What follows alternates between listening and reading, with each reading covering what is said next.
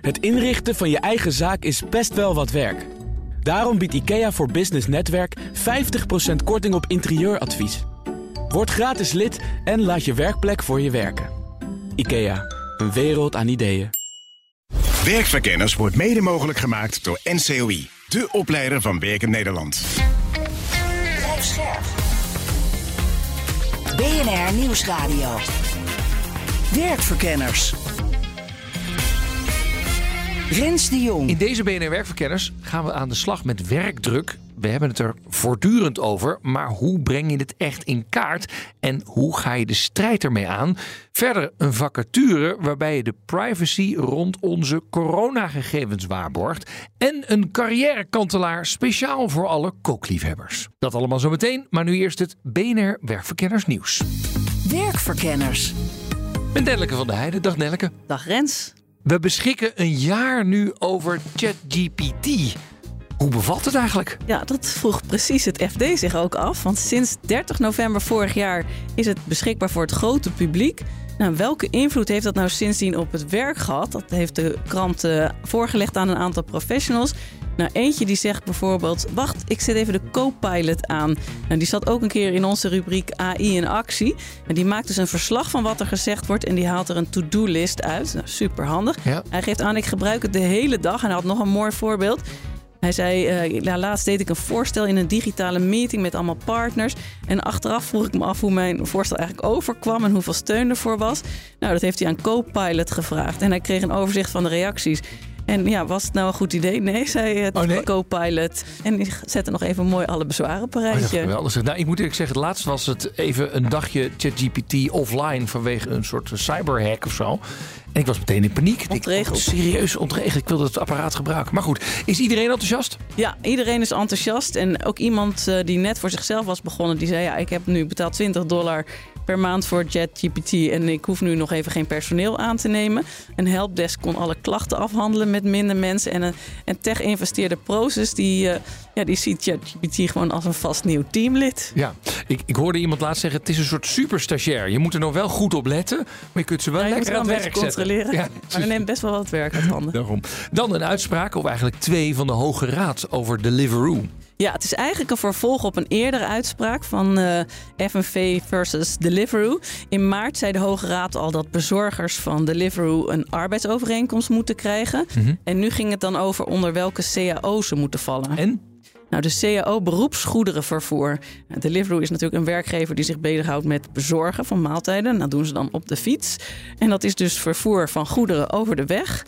Nou, en dan meteen die tweede uitspraak ook erbij. Dat was de zaak van Deliveroo tegen het pensioenfonds voor het beroepsvervoer over de weg. En eh, nou, daarvoor heeft de Hoge Raad nu gezegd... Deliveroo moet eh, voor zijn bezorgers ook pensioenpremie afdragen. Zo, nou dat is behoorlijk wat voor ze, toch? Denk het wel. Ja. Dan, het ondernemer wordt sekswerkers wat makkelijker gemaakt. Ja, die konden maar moeilijk een bankrekening openen. En dat wordt nu makkelijker. Ze moeten nog steeds wel hun belasting- of btw-aangifte laten zien. Maar eerder konden ze eigenlijk gewoon geen bankrekening openen... omdat, ze, ja, omdat hun klanten eigenlijk altijd contant afrekenen. Ja, en dat kunnen banken niet goed controleren. Nee, en dat moeten ze wel, want ze moeten goed in haar gaten houden of er allerlei witwaspraktijken zijn. Dus moeten ze die geldstromen goed kunnen controleren. Nou, dat was dus allemaal eh, lastig en daarom zijn er nu afspraken gemaakt met de banken en de sekswerkers van oké, het mag als je je belasting of btw-aangifte kan laten zien. En de bank mag dan ook nog vragen om eh, een gedetailleerde boekhouding of een inschrijving eh, bij de Kamer van Koophandel. Nou, als je dus dan nu een betrouwbare klant blijkt te zijn, gaat de bank je geen lastige vragen meer stellen. Nou, dat is fijn. Verder, er is een rapport over diversiteit en inclusie in de tech. Ja, vorige week donderdag bij de DEI in Tech Summit, Diversity, Equity and Inclusion. Daar eh, presenteerde TechLeap een rapport over hoe het nou met de diversiteit en inclusie in de tech gesteld is. Nou, ik ben wel benieuwd. Misschien leuk om Ingrid Teppen even te bellen om te vragen wat de belangrijkste bevindingen zijn. En Ingrid hebben we aan de lijn. Dag Ingrid. Dag Rens. Eh, Jij hebt dat onderzoek gedaan, hè? Wat heeft je het meeste verbaasd? Dat we veel minder inclusief zijn dan we denken. Oh, vertel. Nou ja, ik, ik had gehoopt, omdat eh, nou, de techsector zich bezighoudt met innovatie. We, nou ja, als het goed is, voorop zouden moeten lopen met de kennis over hoe belangrijk eh, DEI is om te innoveren. Maar nee, kennelijk doen we het toch eh, minder goed dan we denken. Ja, wat voor cijfers kun je erop plakken, eh, Ingrid? Nou, als je het aan eh, de hele grote groep vraagt, dan zegt 82% De industrie eh, is inclusief. Ik ervaar mijn bedrijf of de, in- de hele industrie als een plek waar ik mezelf kan zijn. Maar als je inzoekt op medewerkers met een eh, migratieachtergrond, dan zegt bijna de helft nee. Ik kan niet eh, helemaal mezelf zijn op het werk. Ah, Dus dus je dat... ziet ook wel dat het heel erg uitmaakt aan wie het vraagt. Ja, ja. Maar dit gebeurt natuurlijk wel vaker. Dat zeg maar, de autochtone mensen, om even zo te zeggen, zeggen: nee, we zijn er hartstikke inclusief. En, en dat de mensen waar het om gaat zeggen: nou, ik hoor er nog helemaal niet bij. Ja, dat klopt. 71% van de mensen die we hebben ondervraagd zegt dat ze heel goed bezig zijn met diversiteit en inclusie. Terwijl 27% stelt dat discriminatie echt een heel groot probleem is in de Nederlandse techsector. Ja. En als je dan verder inzoomt, dan merk je dat het eh, voornamelijk mannen zijn die denken dat het goed gaat. Er zitten zelfs een hele hoop mannen tussen die zeggen: Nou, ik vind de aandacht zelfs een beetje overdreven. Eén op de vier vrouwen heeft daarentegen in het afgelopen jaar contact gehad met een vertrouwenspersoon over ongewenst gedrag. Ja. Eventjes over dat punt dat jij maakt. Sommigen zeggen zelfs: er is te veel aandacht voor diversiteit en inclusie. Kun je je nader verklaren? Nou, mijn inzicht daarin is eigenlijk gekoppeld aan een andere bevinding. Is dat minder dan de helft van de ondervraagden weet dat DEI belangrijk is voor je business performance, je team performance, voor het aantrekken van talent. Dus die kennis die ontbreekt. En daardoor snap ik best dat mensen denken: hè, waarom is er zoveel aandacht voor diversiteit en inclusie? Ik vind het wat overdreven. Omdat die kennelijk denken dat het alleen maar belangrijk is voor je merk. Ja, en niet voor de performance van het team, zeg maar. Precies, en ook niet voor hoe veilig mensen zich eh, voelen op de werkvloer. Want dat is een hele grote ja, driver om goed te kunnen performen. Ja. Als je in, eh, in een organisatie werkt en je hebt het idee dat je collega's je raar vinden omdat je er anders uitziet of een andere seksuele oriëntatie hebt en je houdt jezelf een beetje in, dan eh, kan je niet je beste zelf zijn op het werk en dus creatief zijn en goed nadenken en problemen oplossen. En als je die kennis dus niet hebt, dat dat enorm belangrijk is, bijvoorbeeld als teamleider, ja, dan kan ik me voorstellen dat je denkt, ja, waarom zijn we er zo druk mee? Er zijn andere zaken waar ik mijn aandacht op wil richten. Maar als je die kennis wel hebt, lijkt het me iets wat je niet als eh, laatste op de lijst zet van je prioriteiten. Nee, behalve als mensen denken, ja, maar dit kan gewoon mijn carrière ook schaden. En ik zag in de samenvatting dat, dat je dat ook wel een aantal keer had opgetekend uit de monden van mensen. Ja, dat klopt. Zodra het dichterbij komt, zijn er mensen een beetje huiverig. En zeggen ze, ja, ik vind het niet per se bevorderlijk voor mijn eigen carrièrekansen als we opeens eh, quota's gaan stellen voor vrouwen of mensen van kleur. En ehm, dat is jammer, omdat ja, daar ook weer de kennis ontbreekt dat het delen van de taart in dit opzicht er niet voor zorgt dat je minder krijgt, maar dat je juist eh, aan het bijdragen bent om eh, nieuwe banen te creëren door nieuw talent en nieuwe producten en services te ontwikkelen. Ja. Je hebt dit rapport eh, gepresenteerd de dag na de verkiezingen. Ik neem aan dat op dat congres waar je dat hebt gedaan ook wel even gepraat is over die verkiezingen dan. Want nou, de PVV is de grootste geworden. Dat lijkt mij niet de meest inclusieve partij die er is in Nederland. Nee, zeg dat. Ja, er is werk aan de winkel voor ons. Ik vind het aan de ene kant spannend, hè, want we weten natuurlijk niet wat die uitslag precies gaat betekenen eh, met waar we naartoe gaan. Maar aan de andere kant eh, zie ik ook dat het dus ja, nog belangrijker is dan ooit om de, nou, de voorlopers op dit thema bij elkaar te brengen en te helpen eh, te versnellen. Ja. Dankjewel Ingrid Teppin. Graag gedaan, dankjewel Rens. Rens de Jong. En dan de themavraag van deze uitzending. En die draait om werkdruk. Niet of die bestaat, want daar zijn we allemaal wel van overtuigd. Maar hoe breng je de werkdruk goed in kaart? En hoe ga je er nou echt wat aan doen? De eerste reflex is vaak, er moeten meer mensen bij. Er wordt heel vaak gebeld, eh, de werkdruk is te hoog. Er moeten mensen bij. Kun je ons helpen daarmee? Ja, en het worden niet alleen maar opbeurende berichten. Ik denk eerlijk gezegd dat het nooit gaat lukken om dat helemaal weg te nemen. Dus het is altijd een onderwerp wat van belang blijft. Maar er zijn ook hoopvolle geluiden. Zoals een Europees agentschap met een berg aan bruikbare informatie. Het is eigenlijk een hele grote motor achter de regie die in Nederland gevoerd wordt op het gebied van werkdruk en stress. We vormen een goed beeld van werkdruk, zodat we er ook echt mee aan de slag kunnen.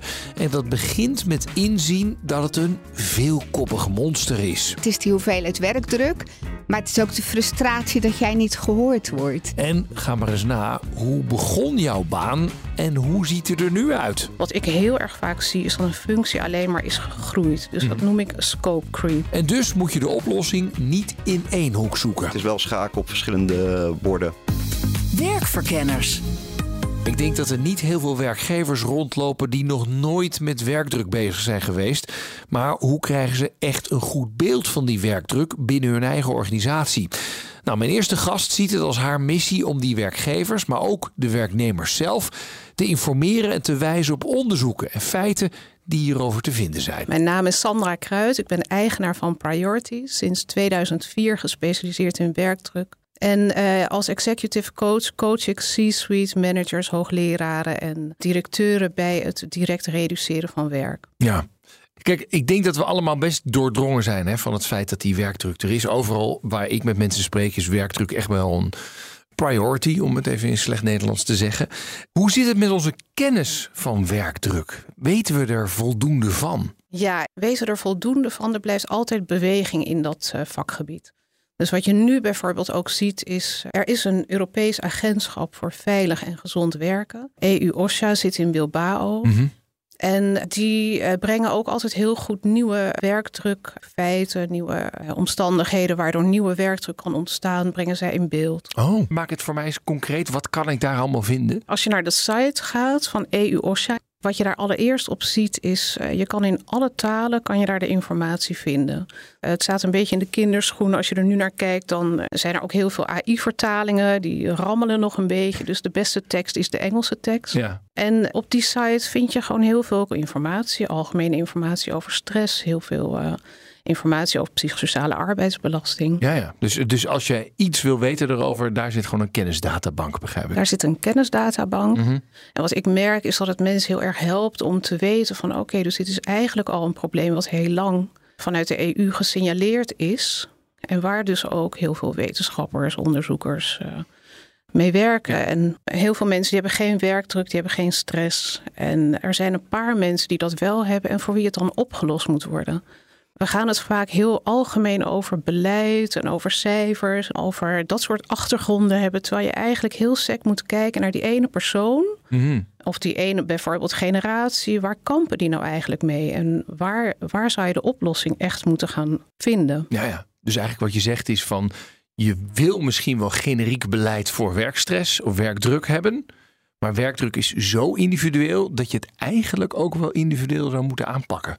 Inderdaad. Hmm. En wat je daar wel generiek in zou kunnen doen, is zorgen dat verschillende categorieën van mensen, dus uh, dat kan een generatie zijn, of dat kan een bepaalde sector zijn, of dat kan een bepaalde functiegroep zijn, wel de informatie krijgen die zij nodig hebben om hun denken eigenlijk beter te maken, kwalitatief beter uh, na te denken over het onderwerp om tot kwalitatieve oplossingen te komen. Mm -hmm. Voor mij, hoor, dan ben ik, uh, weet ik veel, advocaat ergens. Ik ervaar enorm veel werkdruk. En jij zegt, dan moet, moet ik als advocaat, ik geef maar een voorbeeld, iets meer weten, waardoor ik mijn baas beter kan uitleggen wat ik voel. Inderdaad. Maar maak dat eens heel concreet. Kijk, ik denk dat, weet je, ik heb gewerkt als advocaat. Ja. Hè, dus ik, ik, ik ben opgeleid als advocaat. Op een gegeven moment toen hield ik op met slapen. En toen kreeg ik van mijn patroon kreeg ik een cd in der tijd met meditatieoefeningen. Nou, dat is natuurlijk super interessant. Maar ik ging er niet van slapen. En eigenlijk is de kwaliteit van het gesprek op dat moment niet goed geweest. Ja. Weet je, op het moment dat ik aangeef, ik heb nu al drie nachten niet geslapen. Dan hoort eigenlijk mijn patroon te zeggen van hé, hey, nu moeten we direct gaan terugschalen in je werk. Want Ja. jij moet meteen geholpen worden om dit te kunnen oplossen. Ja. En wat had het dan geholpen als jij als advocaat dan meer informatie had gehad? Dat probeer ik maar. Um, te het had mij heel erg geholpen als ik had geweten dat het de werkgeversverplichting was om te zorgen dat ik gezond en veilig kan werken. Mhm. Dat ik daar zelf ook een eigen verplichting in heb om te zorgen dat dat mogelijk is. Maar dat op het moment dat als er werkdruk speelt, ik ook tegen mijn patroon had mogen zeggen van je geeft me misschien te veel werk. Je Mhm. laat mij veel te hard werken op dat moment. Ja, dus eigenlijk is dat dan de informatie. Je kunt hier gewoon ook tegen je werkgever zeggen: je geeft me te veel. Of je regelt het niet goed voor mij. Inderdaad. En dat is oké. Maar kijk, Ik had dat kunnen zeggen als ik had geweten dat, er, uh, dat het een EU-wijd probleem is. En dat het gewoon is in functies dat je tegen dit soort vormen van stress aanloopt. Mhm. En die informatie die moet je niet krijgen als jouw stress al torenhoog is. Dus in de preventie moet je gewoon tijdig die informatie aangereikt krijgen. Mijn volgende gast helpt organisaties met het in kaart brengen van de werkdruk. Mijn naam is uh, Dirk-Jan Schoneveld. Ik ben uh, organisatieadviseur bij uh, Berenschot. En adviseer organisaties, vooral het publieke domein, overheidszorg en onderwijs over het eh, interne rijlen en zeilen van de organisatie. Ja. Bedrijfsvoering en werkdruk is daarin een heel belangrijk eh, onderwerp. Ja, want werkdruk is wel een thema, toch? Of is dat een thema dat eigenlijk al eh, zolang Beerschot bestaat een onderwerp is? Werkdruk is natuurlijk van, van alle tijden. Maar de laatste jaren is het wel uh, aan belang aan het winnen. Ja? Zonder meer. Jullie adviseren bedrijven, maar vooral ook overheidsinstellingen? Ja, heel veel overheden ook. Ja. En de zorg. En, ja, allemaal dingen waar heel veel werkdruk is. Dan belt er zo'n bedrijf. Is er dan al wel wat aan de hand? Of zeggen ze nee, we willen positief eens even gaan kijken? Ja, ze bellen vaak met het bericht de werkdruk is te hoog. En er moeten mensen bij. Ja. En dat zijn vaak snelle stappen om te, om te nemen. Ja. Vaak is uh, de oplossing niet uh, mensen erbij omdat werkelijk een best complex onderwerp is. Afgezien van het feit dat de blikken met mensen op zijn tegenwoordig. Dus je trekt niet zomaar een blik mensen open, toch?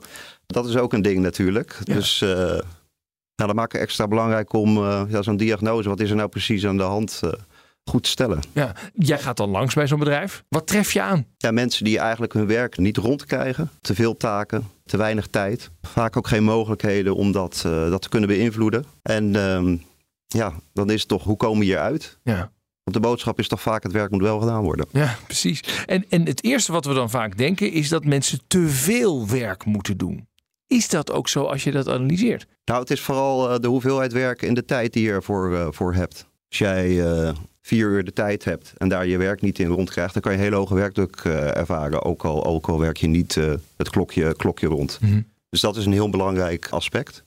Maar het heeft ook net zo goed te maken met andere zaken als de eisen die aan het werk uh, gesteld worden. Uh, de kwaliteit van werk wat je, wat je wilt uh, leveren. En dat zijn soms ook knoppen waar ja, organisaties aan kunnen draaien. Kan het een tandje minder, maar ook kan het een tandje efficiënter. Mm -hmm. Dat is iets wat je vaak in werkdruk onderzoeken niet zo, niet zo ziet. Dus even goed kijken hoe hebben we het eigenlijk georganiseerd hier in deze organisatie. Is de bedrijfsvoering een beetje handig ingericht, efficiënt? Mensen die wekelijks bij de helpdesk zitten omdat uh, apparatuur niet werkt. De tijd lekt weg.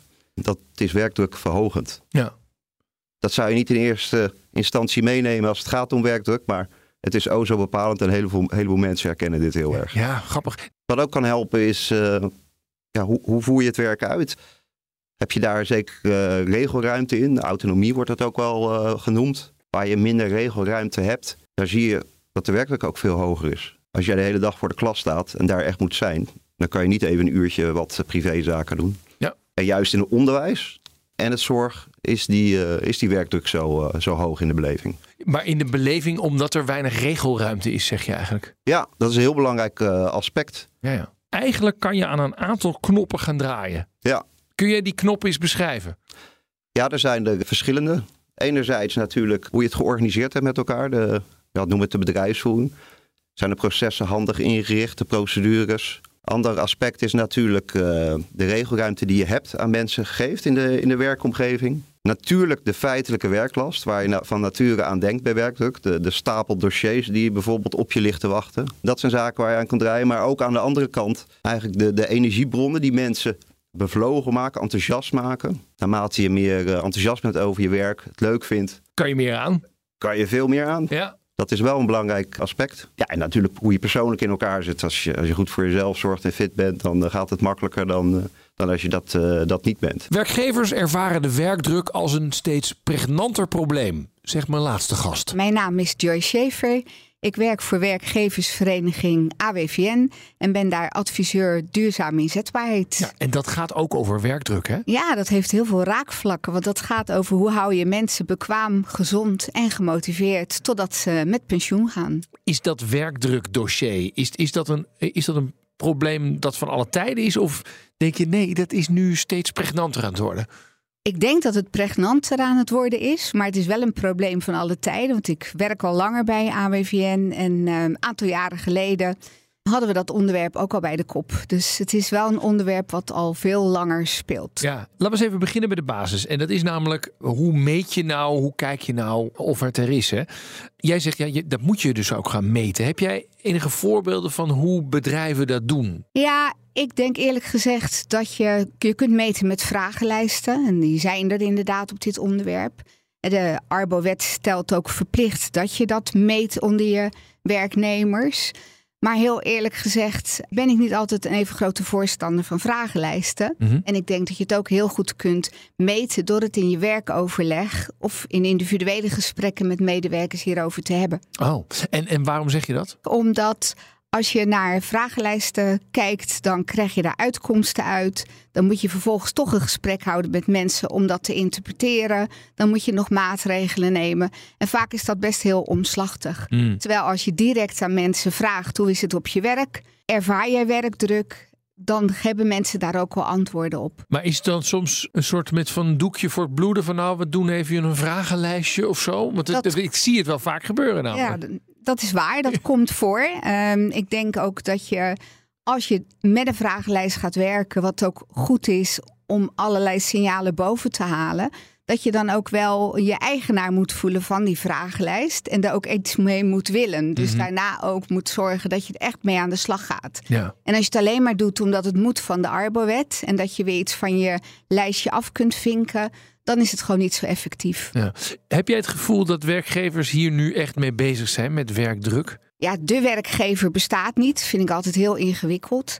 Ik zie wel dat werkgevers steeds meer worstelen met het vraagstuk omdat we gewoon arbeidsmarkt krap te zien en dat heeft effect op werkdruk. En ik zie ook wel dat werkgevers dan ook moeilijk vinden om dat aan te pakken en ook moeilijk vinden om te bekijken is dat nou een individuele aangelegenheid of is dat nou iets wat in het werk zit. Ja. Jij zegt, ga gewoon in gesprek met je mensen. Ja. Hè, eh, alle lijnmanagers, je hebt een paar mensen in je team, ga dat gesprek gewoon ja, aan. zeker. Eh, Maak het dus heel concreet. Want weet je waar mensen toch wel terughoudend over zijn, weet ik, Mhm. Om het te bespreken. Want stel je voor, je maakt het groter. Alles wat je aandacht geeft, Ja. wordt groter. En Ja. dat willen we niet. We willen Nee. dat het kleiner wordt. Ja, dat herken ik, dat dat het gevoel is. Maar ik ben het daar niet, eh, niet mee eens. Ik denk dat het überhaupt belangrijk is voor werkgevers om belangstelling te hebben voor je medewerkers, te weten wat er speelt. En mijn ervaring is dat mensen dat heel prettig vinden om over hun werk te kunnen praten en hun zorgen te delen. En bijna altijd als die zorgen gedeeld worden, dan gaat het ook over hoe kunnen we het werk verbeteren. En dat is ook in het belang van de werkgever. Werkdruk is zo'n veelkoppig monster. Ja. Dat je bijna heel eh, in jezelf terug moet van waar komt dat gevoel van die druk nou precies vandaan? Ja, ik denk wel dat dat zo is. Ik denk wel dat er, ik weet eigenlijk zeker dat er wel handvatten zijn om dat gesprek wel te voeren. En we kunnen wel kijken naar modellen die de wetenschap ontwikkeld heeft, die kunnen helpen om zo'n inventarisatie te doen. Geef eens een voorbeeld. Nou ja, bijvoorbeeld het Job Demand Resources model of het werkdrukmodel van TNO. Dat zijn natuurlijk voor leidinggevenden niet altijd even bekende modellen. Dat zou ook niet zo moeten. Maar als je gewoon zou onthouden, heb het eens over wat vind je lastig van de inhoud van het werk. Of wat vind je lastig over hoe het werk georganiseerd is? Of heb je voldoende kennis en vaardigheden? Dan heb je al een aantal handvatten die je heel goed zou kunnen uitvragen. Ja, en dan is het eigenlijk allemaal niet zo heel ingewikkeld. Maar dat is een betere vraag, denk ik, dan heb je last van werkdruk? Want dan, dan krijg je misschien een soort binair antwoord ja-nee of zo. Ja, nou ja, als je een binair antwoord krijgt, dan kun je altijd daarop doorvragen. Dat is waar. Dus dat. Ik zou denk ik ook veel liever met mensen in gesprek gaan. Hoe ervaar je het werk? Hoe gaat het op het werk? Waar loop je tegenaan? Wat zou je graag willen verbeteren? Maar ook wat vind je prettig in het werk? En Ja. waar zou je meer van willen? Ja. En dat is, ja, dat is eigenlijk gewoon een heel normaal gesprek wat je kunt voeren. En als je dan signalen krijgt waarvan je denkt: hé, hey, dit zit niet helemaal goed, dan kun je daarop doorvragen. Maar we zijn soms te huiverig om te vragen te stellen, omdat we misschien niet weten inderdaad wat eruit komt. Ja. Maar dat valt over het algemeen heel erg mee. Ja, kun kun je dat eh, Ja. uit, uit de eigen Ja, ervaring dat zeggen? kan ik uit eigen ervaring zeggen. Want geef eens een voorbeeld. Dan... Nou, omdat ik zelf ervaring heb om in teams dit soort onderwerpen aan te snijden. Ook wel weet dat leidinggevenden het dan stom spannend vinden als ik dat ga doen. Ja. En dat ze dan verbaasd zijn waar je mee terugkomt. Dat heel herkenbaar is. Leidinggevenden weten net zo goed waar medewerkers tegenaan lopen als de medewerkers zelf. Maar, maar het is toch een soort taboe dan om het er echt over te hebben, begrijp ik. Ehm, ik weet niet of het nog een taboe is. Ik denk wel dat het iets is wat lastig gevonden is, om die reden. En ik denk dat we ja, 90% van de tijd gewoon bezig zijn met het werk zelf, met het optimaliseren van het werk. Wat heeft de klant morgen nodig? Waar zijn we tegen aangelopen? Wat moeten we oplossen? We hebben het niet zo vaak over hoe ervaar jij het werk en hoe kan dat beter. Straks kijken we hoe je de strijd met werkdruk kunt aangaan. Maar nu eerst werk voor iemand die de privacy wil bewaken bij infectieziektes. De vacature. Iedere week speuren we het web af op zoek naar bijzondere vacatures. En deze keer viel ons oog op een baan als privacy-coördinator bij het RIVM. En dan gaat het over onder andere infectieziektebestrijding. Nou, dat is natuurlijk een interessant onderwerp. Ik ga eens even bellen met uh, Martijn van Rooyen. Hij is afdelingshoofd data, innovatie en signalering. Goedemiddag met Martijn van Rooyen. Dag Martijn, met uh, Rens de Jong van BNR. Goedemiddag. Hey, privacy-coördinator bij het RIVM en dan vooral, begrijp ik, voor infectieziekten. Leg mij eens uit wat dat precies allemaal inhoudt. Nou ja, wij gebruiken voor het bekijken van hoe het staat met de infectieziekten binnen Nederland, ja, gebruiken we heel veel data. Om te zien hoe het staat. En die data die zijn afkomstig van mensen. De, de Nederlandse burger, om het zo te zeggen. Ja. En ja, deze privacy, uh, ja, die moet gewaarborgd worden. Dat we uh, ons netjes aan de regels houden. Ja, ja dus als ik, uh, ik zit even te denken aan de coronatijd, dan deed ik een coronatest en ergens, kan ik me herinneren, maar ik weet het niet helemaal zeker, het is al een tijd geleden, kon ik aangeven, wil ik dit doorgeven aan mijn arts of zo? Mm -hmm. Zoiets. Ja, en, en gaat het dan, dan ook weer naar jullie toe? Of hoe, hoe, weet je, waar krijg je dat precies vandaan dan, die data? Ja, er is een, er is een vraag was er inderdaad van, wilt, uh, mag het ook gedeeld worden met, uh, met, met het RIVM? Oh ja. En als, als diegene dan ja erop zei, dan werd het inderdaad uh, met ons gedeeld. En ja, als het gedeeld wordt met ons, moeten we nog steeds ons aan de huidige regelgeving vanuit de AVG houden. Mm -hmm. En ik vraag me dan af, wat doe je dan precies? Want, want ja, er komt heel veel data binnen. We willen allemaal voor zorgen dat het via de AVG of de GDPR allemaal goed gaat. Zeker met dit soort toch hele gevoelige informatie. Mm -hmm. wat, wat, wat, wat doe je dan? Wat je doet? Nou, sowieso, als het nieuwe vraagstukken zijn, bijvoorbeeld nieuwe onderzoeken, dan kijk je van welke data worden er gebruikt. Heb je er recht toe om het te gebruiken? Hoe ga je die bewaren? Hoe ga je die opslaan? Dat zijn allemaal vraagstukken waar je dan als privacycoördinator over mee gaat denken. En dan gaat kijken van hoe past het dan binnen de huidige wetgeving. En daar een goede draai aan geven, om het zo te zeggen. Dus eigenlijk richt je dan in van oké, okay, zo gaan we in dit nieuwe project met de privacy om. En zo is het goed gewaarborgd. Klopt, dat ja. is correct. Ja. ja. Hé, hey, maar even, we hebben net corona natuurlijk achter de rug. Het is natuurlijk wel een slecht moment om in te stappen. Nu wordt het alleen maar saaier, de, het leven in de infectieziektebestrijdingwereld. Ja, dat, dat zou je denken, maar er zijn altijd weer leuke, ja, nou ja, althans wat, wat wij leuk vinden, leuke uitbraken of uitbraakjes, ja. zo te zeggen. Dus ja, oké, okay, corona was misschien uh, ja, wel heel groot qua voorbeeld, maar we hebben nog steeds ook kleinere uitbraken. En zoals in 2022 is bijvoorbeeld uh, ja, Mpox, monkeypox ook wel genoemd, hebben we ook gehad. En zo zie je door de jaren heen altijd wel een bepaalde uitbraak terugkomen. Ja, en dan moet je dus ook schakelen van jongens, we zien dit opkomen. We moeten het gaan onderzoeken, in de gaten houden. En dan is het dus ook alle hens aan dek, begrijp ik. Ja, ja en goed voorbereid erop zijn. En dat is waar we nu ook heel hard aan werken. Ja. Dat we goed voorbereid zijn op een volgende pandemie of een uitbraak. Dat we dan alles al goed op orde hebben. En ook qua privacy, dat we heel snel nou, de juiste gegevens kunnen verzamelen. Dat, dat alles gewoon er staat. Ja. En even als laatste, wat voor een opleiding heb je nodig? Of wat, welke ervaring zoek je? In ieder geval HBO of WO opgeleid. Uh, dat mag juridisch zijn, hoeft niet. Maar in ieder geval kennis van de huidige AVG, van de privacy-wetgeving, om het zo te zeggen. Goed zo. Uh, dankjewel. En ik hoop dat je iemand vindt. Ja, iedereen kan in ieder geval tot uh, 4 december, geloof ik, reageren Goed zo. vacature. We gaan ons best doen. Dankjewel, hè. Yes, dankjewel, Rens. Oké, okay, hoi. Fijne dag. Doei. Hoi. Rens de Jong. Ja, kennis van de privacywetgeving, dat zou dus wel heel handig zijn. Nou, terug naar de themavraag over werkdruk. We gaan kijken wat we er tegen kunnen doen. Volgens organisatieadviseur bij Berenschot, Dirk-Jan Schoneveld, hangt dat heel erg af van wat de werkdruk veroorzaakt. Als het meer uh, zit in de interne procedures en dat soort zaken, dan, uh, dan kom je met een andere oplossing dan als het zit in de, in de cultuur. In bijvoorbeeld de zorg zie je een enorme administratieve rompslomp van, uh, van regeldruk. Dat komt deels door wetgeving van de overheid, maar de organisatie heeft er zelf ook een aandeel in. In de zorg gaat 8 miljard in de ouderenzorg aan loonkosten op aan, aan regeldruk. Mhm.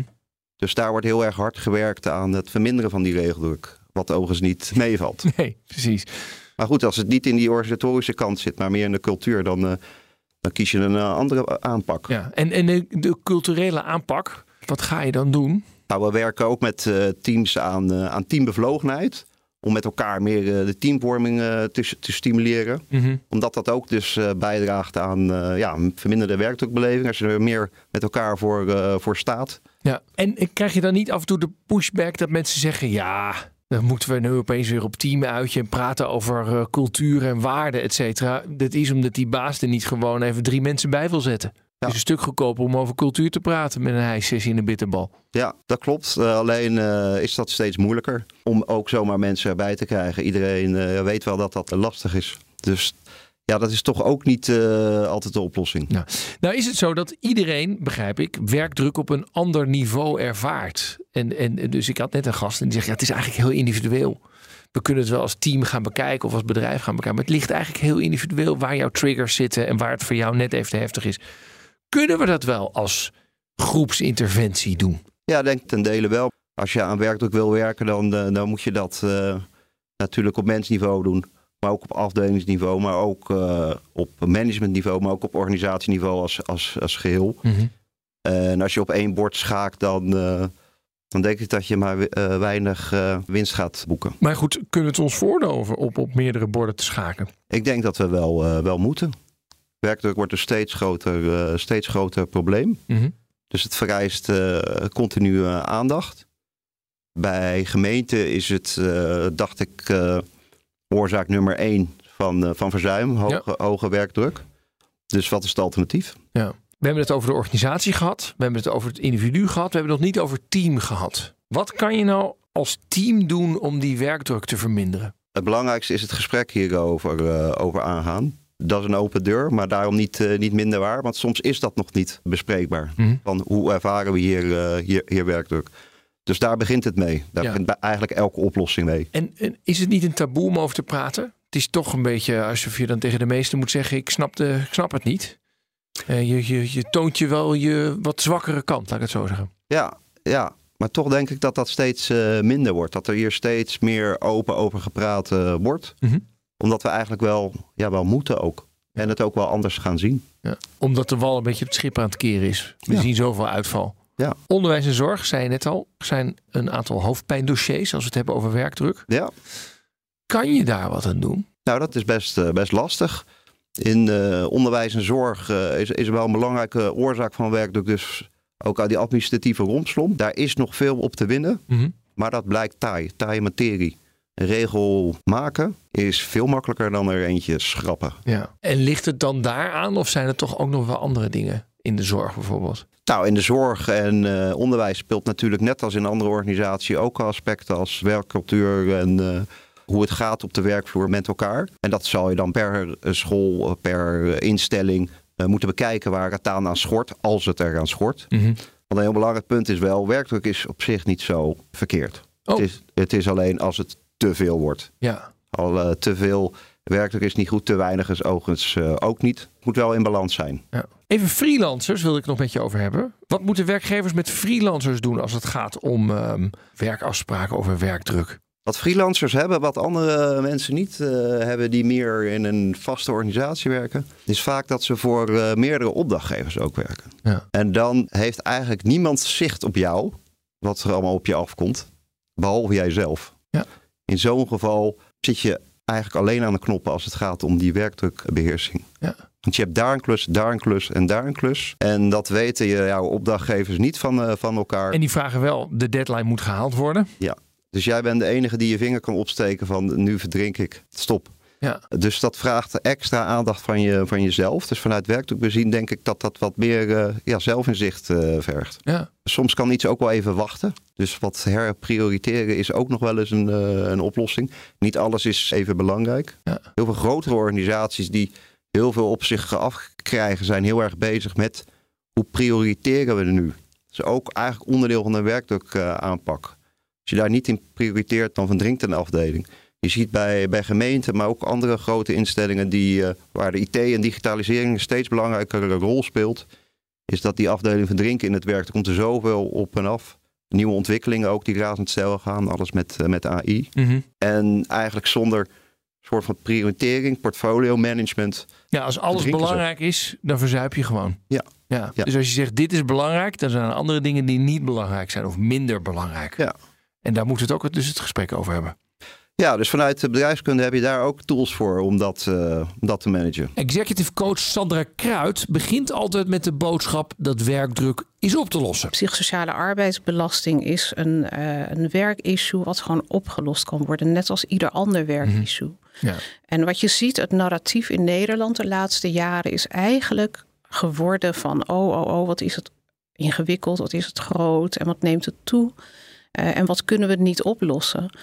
Maar als ik met mijn eh, cliënten achter hun werkplek aan de slag ga. En kijk, ik coach mensen die ontzettend goed zijn in hun werk. Dus die kunnen steeds meer werk erbij nemen. Als ik met mensen aan de slag ga, dan zie je eigenlijk meteen dat functies worden steeds groter. Omdat mensen steeds meer ja zeggen. Dus ze krijgen steeds meer op een bord. En op een gegeven moment dan kan dat niet meer. En dan moet je effectief ingrijpen. Mhm. Maar dus, jij, jij zit echt met mensen aan het bureau om te kijken, oké, waar komt nou die stress vandaan? Inderdaad. Oh ja, je schuift dag één aan. Wat, wat gebeurt er? Ja, ik schuif twee dagen max aan. Oké. Hoor. Lijkt wel gezellig, ja. En dan, nee, maar wat, wat, waar kijk je dan naar? Ben ik wel benieuwd. Nou, ik vraag mensen de hele dag door drie vragen te beantwoorden per taak in hun functie. En dat is: wat is het voor taak? Waarom ligt die taak bij jou? Mhm. En wat wil je ermee doen? En dat eh, klinkt heel ingewikkeld en, en heel langdradig. Of, maar op een of andere manier gaan we heel snel schakelen om gewoon in kaart te brengen. Waarom ligt deze taak nou bij jou? Wat wil je ermee doen? En eh, wat is de volgende stap erin? Op die manier krijg je heel snel inzicht in hoe iemand werkt en hoe een functie is opgebouwd en waar de echte werkbelasting vandaan komt. Wat je heel vaak ziet, een functie dijt steeds meer uit. Mensen kunnen heel veel, krijgen steeds meer werk erbij. En ergens zijn we gewend geraakt aan dat er steeds meer werk bij komt, maar we laten nooit werk afvallen. Ja, ja. ja. Dus we zeggen niet, oké, prima, digitalisering vraagt heel veel van ons nu. Moeten we heel veel nieuwe dingen voor eigen maken? Moeten we heel hard op gaan schakelen? Maar dan zeggen we niet van, oké, maar als dat nou onze aandacht vraagt, wat gaan we nu laten Ja, afvallen? dat gaan we niet meer doen. En Ja, want dat is dan grappig. Waarom doe je dit nou? Waarom ligt het bij jou? Dus waarschijnlijk, oh ja, ik heb dit ooit op mijn bordje gekregen. Toch? Ja, en ik zeg er geen nee tegen. Ja. En het is een vergadering en ja, iedereen is daarbij. Nou, is het eigenlijk niet goed als ik daar niet bij ben. En, eh, dus dan krijg je eigenlijk dat, eh, dat je ziet dat mensen tussen vergaderingen door eigenlijk geen tijd meer hebben om te werken. Dus dan kan je beter zeggen van hou even op met veel vergaderingen. eh, en zorg dat je het echte werk wel kan doen. Ik zit wel te worstelen met het volgende. Jij zegt, de- het individu kan er heel veel aan doen. Maar ik denk ook wel dat het een samenspel is tussen het individu en de werkgever. Want we hebben een enorme krapte op de arbeidsmarkt. Die werkgever wil nog steeds in omzet groeien. Krijgt niet de mensen erbij. Dus gaat gewoon lekker stapelen totdat de fles barst, denk ik wel eens. In hoeverre is het eerlijk om het vooral bij die werknemer neer te leggen? Dat is inderdaad niet eerlijk. Het is echt een gedeelde verantwoordelijkheid. En ik denk dat eh, als je in 2024 met het onderwerp werkdruk in je eh, organisatie aan de slag gaat, eh, dat je ook daarnaar moet kijken. Dus welke verantwoordelijkheid heb je als werkgever? Welke verantwoordelijkheid heb je als werknemer? En dat is geen nieuw gesprek. Hè? Dat is een gesprek dat voeren we al jaren. Welke onderdelen mag je bijvoorbeeld wel als werkgever met een werknemer bespreken? Welke onderdelen zijn privé? Wat als je nou ziet dat je werknemer of je collega of iemand anders, freelancers, weet je, die moeten we ook zeker niet vergeten in deze hele discussie. Eh, alleen nog maar eh, op de telefoon aan het kijken is, weet je, dat je eigenlijk ook kan zien vanuit hier is iemand eigenlijk een beetje telefoonverslaafd. Eh, of iemand is misschien echt, ja, die ontwikkelt een enorm workaholism. Kijk, eh, sommige onderdelen mogen we met de werknemer bespreken, andere onderdelen zijn privé, maar we moeten wel het gesprek gewoon op een goede manier kunnen Ja. aangaan. En over- durven aangaan ook. en durven aangaan, Ja, inderdaad durven aangaan. Eh, Even het laatste punt. Ehm, we hebben ook ZZP'ers rondlopen op de werkvloer. Moeten we daar nog iets mee? Want die ZZP'ers, ja, dat valt eigenlijk nergens onder. Maar die kunnen natuurlijk ook wel een beetje druk ervaren. Zeker. In organisaties zou je eigenlijk al na moeten gaan uh, welke mensen in onze organisatie bereiken wij met ons werkdrukbeleid, met ons beleid psychosociale arbeidsbelasting.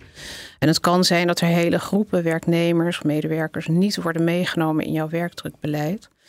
Het moeilijke is dat bij zelfstandigen uh, zal je dan zien dat ze waarschijnlijk ook geen toegang hebben tot de bedrijfsarts. En uh, bedrijfsarts en de bedrijfsgezondheidszorg, dat is natuurlijk gewoon van oudsher echt uh, ja, de tak in een organisatie die hier echt in is opgeleid. En dan zie je dat mensen, zelfstandigen, die gaan vaak naar de huisarts toe. Nou ja. En de huisarts die is niet altijd helemaal deskundig in werk en gezondheid. Ja. En ook hier bij een ZZP is het zo, ja, nou ja, die kan natuurlijk wel ietsje makkelijker nee zeggen. Kan me zo voorstellen, want het is een ZZP'er. Aan de andere kant, die is wel weer heel erg afhankelijk van of de klus binnengehaald wordt of niet.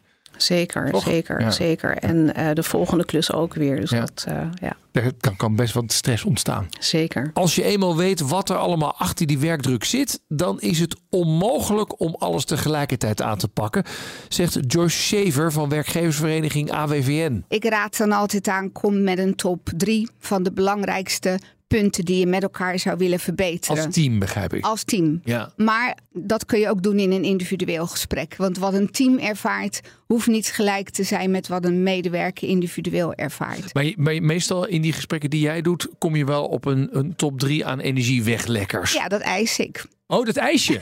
ja. Oh ja? ja. Oh, wat een werkdruk dit. Ja. Ja, ja, ja, ja. Nee, maar goed, omdat je gewoon met elkaar ook weet. Je kunt wel een hele stapel met problemen op tafel leggen. Overigens zijn er ook heel veel goede dingen. En zijn mensen vaker enthousiast over hun werk dan niet. Maar goed, stel dat die stapel op tafel uh, ligt. Dan weten we allemaal dat we gewoon maar een paar dingen kunnen oplossen. Mhm. Dus kies eerst voor de top drie. Dat Ja. kun je prima met een team samenstellen. En dan zeg ik daarna, ga nog een keer bij elkaar zitten. En ga dan maatregelen bedenken voor die top drie die je boven water gekregen hebt. En, en de top drie is dan, dat zijn dan de grootste weglekkers? Of zijn dat de eh, dingen die het makkelijkst te fixen zijn? Daar kun je keuze in maken. Ik vind het zelf wel belangrijk om met die dingen aan de slag te gaan die, ja, die het grootste probleem opleveren. Maar als je dingen kunt pakken die het beste te fixen zijn, ja, dat is prima. Ik heb daar niet echt een voorkeur voor. Maar bijvoorbeeld, er zijn veel onduidelijkheden in het team van wie wat doet. Ja. Nou, dat is iets wat je heel goed op kunt pakken. Mhm. Maar als je het niet weet, dan geeft dat heel veel onduidelijkheid in het team zelf, maar ook voor andere teams die daarmee te maken krijgen. En dat leidt dus tot heel veel werkdruk, omdat je elke keer met elkaar nadenken bent van wie is nou verantwoordelijk. En nou, om dat op te lossen is prima te doen. Ja. Jij zegt ook, je moet wel eens nadenken hoeveel, als baas. Ja. Hoeveel kunnen we eigenlijk aan? Kun je daar iets meer over zeggen? Nou ja, uiteindelijk ehm, speelt natuurlijk de werkhoeveelheid en de hoeveelheid mensen die je daarvoor nodig hebt wel een rol. Maar ik denk dat er ehm, nog heel veel in het werk zelf te verbeteren is.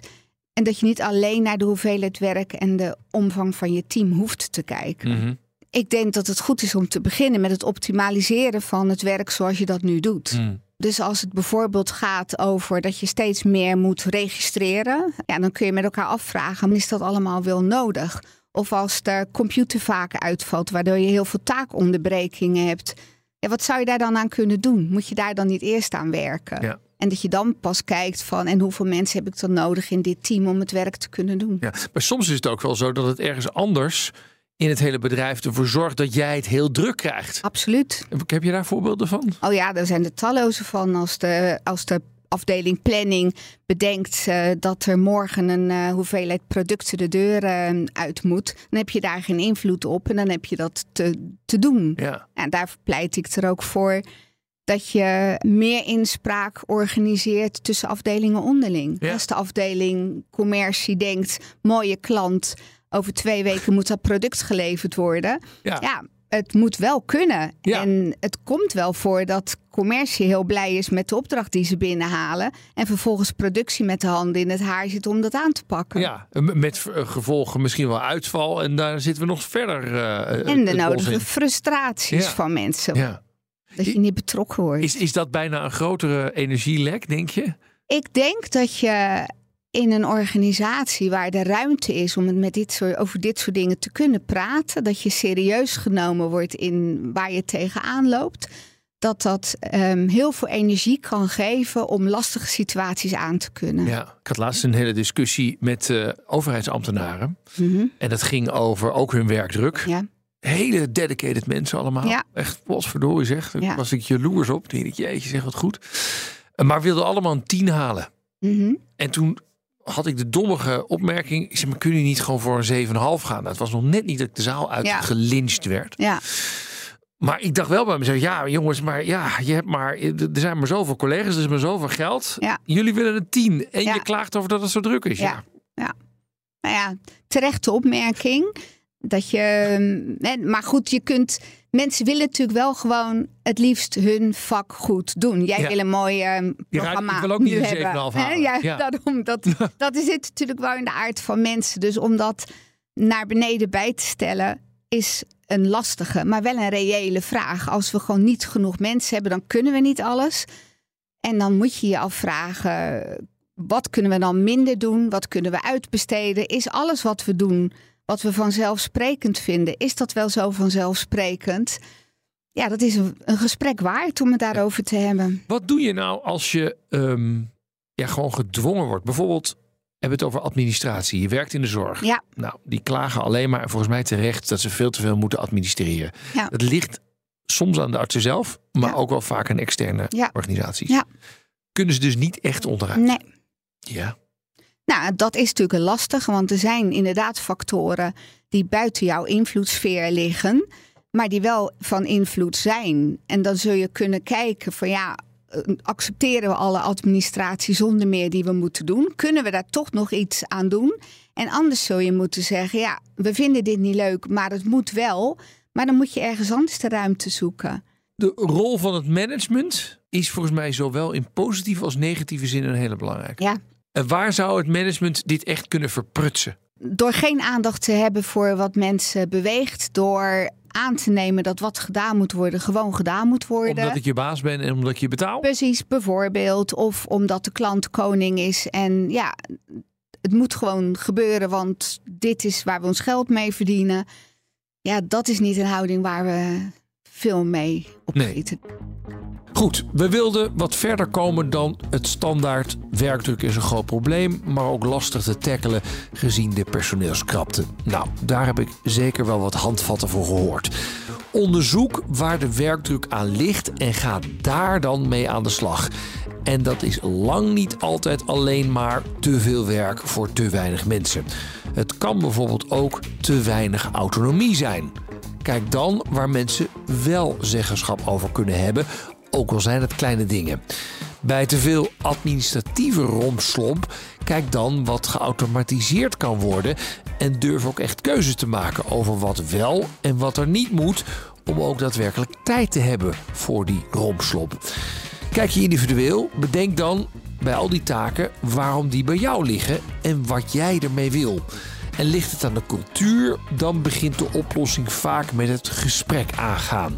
En dat blijkt, hoe dooddoenerig dat ook klinkt, eigenlijk bij alles het noodzakelijke begin. De carrièrekantelaar. Laatste onderdeel van deze uitzending, de carrièrekantelaar. Ja, welke dramatische wending heb jij meegemaakt in je carrière? Welk moment zorgde ervoor dat je het compleet anders ging doen? En hoe kijk je daar nu op terug? Deze week bellen we met de oprichter van Chefflix. Dat is Jeroen van der Brink. Dag Jeroen. Hi. Hi. In een paar zinnen, wat doet Chefflix precies? Ja, Chefflix is een soort van Netflix. Maar in plaats van eh, films hebben we allemaal kooklessen van de allerbeste chefs ter wereld. Kijk eens aan. En, en wat voor werk deed je eerst? Ik heb hiervoor eh, onder andere de Nationale Restaurantweek opgezet. En ook een reserveerplatform voor restaurants. Dat heette SeatMe. Dat heb ik verkocht aan The Fork. Eh, en daarmee was ik ook eigenaar van Eens. Dat was een andere populaire restaurantwebsite. Dus ik speelde altijd op het eh, snijvlak internet en restaurants. Ja, en dus je deed al veel met, met dit soort dingen. En waarom dacht je, oké, ik ga nu dit doen? Wat, is het, wat was het kantelpunt daar? Nou, onze grootste activiteit wat wij eh, altijd deden is het opzetten van de Nationale Restaurantweek. Een soort van booking.com, maar dan voor, eh, dan voor restaurants. Dus eh, drie jaar geleden. Dat, eh, we kregen toen de tweede lockdown. De restaurants gingen weer allemaal dicht. En ik had gewoon geen business meer voor de tweede keer dat jaar. En toen had ik zoiets ja, ik ga niet weer uh, twee, drie maanden niks hoeven doen. Toen dacht ik nog dat het een paar maanden zou duren. Dus ik denk, weet je wat, ik ga, ik ga het gewoon proberen. Ik had altijd een idee. Ik wilde iets met streaming gaan doen, iets met koken. Uh, dus toen de tweede lockdown inging, dacht ik, nou, nu ga ik het ook, ook doen. Dus ik heb vijf van de beste Michelin-chefs van Nederland gebeld. Ik zei, jongens, hoe is het? Ja, niet het beste. Het restaurant is weer dicht. Ik heb niks te doen. Ik zei, nou, dat makes two of us. Weet je wat? Uh, als jullie nou gaan koken, dan ga ik het filmen. Ik noem het Cheflix. Ik zet het online en misschien kunnen we wat abonnementen verkopen. Of misschien niet. Maar dan hebben we in ieder geval wat geprobeerd en uh, een beetje de, de, de, tijd doorgekomen. En we zien wel waar het schip strandt. Maar het was een Dus beetje zo ben ik houtje begonnen. touwtje, begrijp ik, of niet? Het was absoluut houtje touwtje. Dat was echt, ik had geen businessplan. De website was gemaakt voor 500 euro. Het hing allemaal aan, aan uh, codes aan, aan elkaar. Er was geen plan. Het was een hobbyproject om, om de tijd van corona door te komen. Maar ik had nooit gedacht dat het eens een succes zou kunnen worden. Ja, wat goed zeg. En, en, en heb je nu veel kijkers die ook daadwerkelijk betalen, dus abonnees? Ja, ja dus, de, dus de eerste maand dat we live gingen, dat was uh, begin januari 2021. Uh, en na een maand hadden we al duizend abonnees. En toen had ik zo'n, uh, wauw, dat had ik niet, uh, niet verwacht. Dus heb ik ook een persbericht uitgestuurd. Ik denk dat ik toen wel de tijd mee had. Hè. Dat was begin januari 2021. Toen was heel Nederland al een lockdown. We kregen ook nog eens een keer avondklok. En voor degenen die het goed weten, in februari werd het ook nog eens heel koud. Het werd Ja. min 20 buiten. Dus ja, we hadden drie perfecte ingrediënten. Avondklok, lockdown en het was min 20. Nou, inmiddels had uh, half Nederland wel Netflix uitgekeken. En dan kom ik in één keer met een nieuw streamingskanaal... waar je allemaal kan leren koken. Dus ja, dat ging door het dak toen. Ja, wat goed zeg. Dus dat was, dat was ook een gelukje. En Ja, soms, Ja, soms moet je dat geluk hebben hè, als ondernemer. ja, nee, de- de- ja, daarvoor had ik pech. Mijn ene business was gewoon van de ene of de andere dag helemaal doodstil. Ik had gewoon nul omzet. Eh, en, en nu had ik geluk, eh, nu had ik geluk de wind mee. Ik, ik zag dat jullie eh, een nieuwe investeerder binnen hebben gehaald voor een miljoen. Wat ga je ermee doen? Ja, nou, eh, allereerst zijn het een aantal investeerders die zijn, eh, die zijn ingestapt. Ehm, met dat geld gaan we nieuwe content opnemen. Ehm, omdat we willen zien dat onze gebruikers Cheflix veel meer zijn gaan zien als een videokookboek. Dus we dachten eigenlijk dat we een streamingkanaal hadden opgezet. Maar we zien toch dat mensen veel meer ja, ons kenmerken als, als kookboek. Dus we zijn ook veel meer content gaan maken. Nou, daarvan gaan de kosten voor de baat eh, uit. En we dachten ook dat mensen veel meer op een iPad of op een laptop naar Cheflix zouden kijken. Maar het blijkt dat eh, meer dan 75% Cheflix eigenlijk kijkt op een mobiele telefoon. Dus dan betekent ook dat we een app moeten ontwikkelen. Eh, en die gaat het einde van het jaar ook online. Nou, ik wens er heel veel succes mee. Dankjewel voor je verhaal. Dankjewel. Dit was Werk voor Kennis voor deze week. Volgende week dan krijg je weer een verse uitzending op dinsdag om 3 uur. En natuurlijk in je podcast-app kun je hem op ieder moment terugluisteren. En krijg je hem vaak eerder dan onze echte FM-uitzending. Productie en redactie, Nelleke van der Heijden, Emma Somsen. Mijn naam is Rens de Jong. Graag tot de volgende keer. Dag. Werkverkenners wordt mede mogelijk gemaakt door NCOI, de opleider van Werken Nederland. Als ondernemer hoef je niet te besparen op je werkplek. Want IKEA voor Business Netwerk biedt korting op verschillende IKEA-producten. Word gratis lid en laat je werkplek voor je werken. IKEA, een wereld aan ideeën.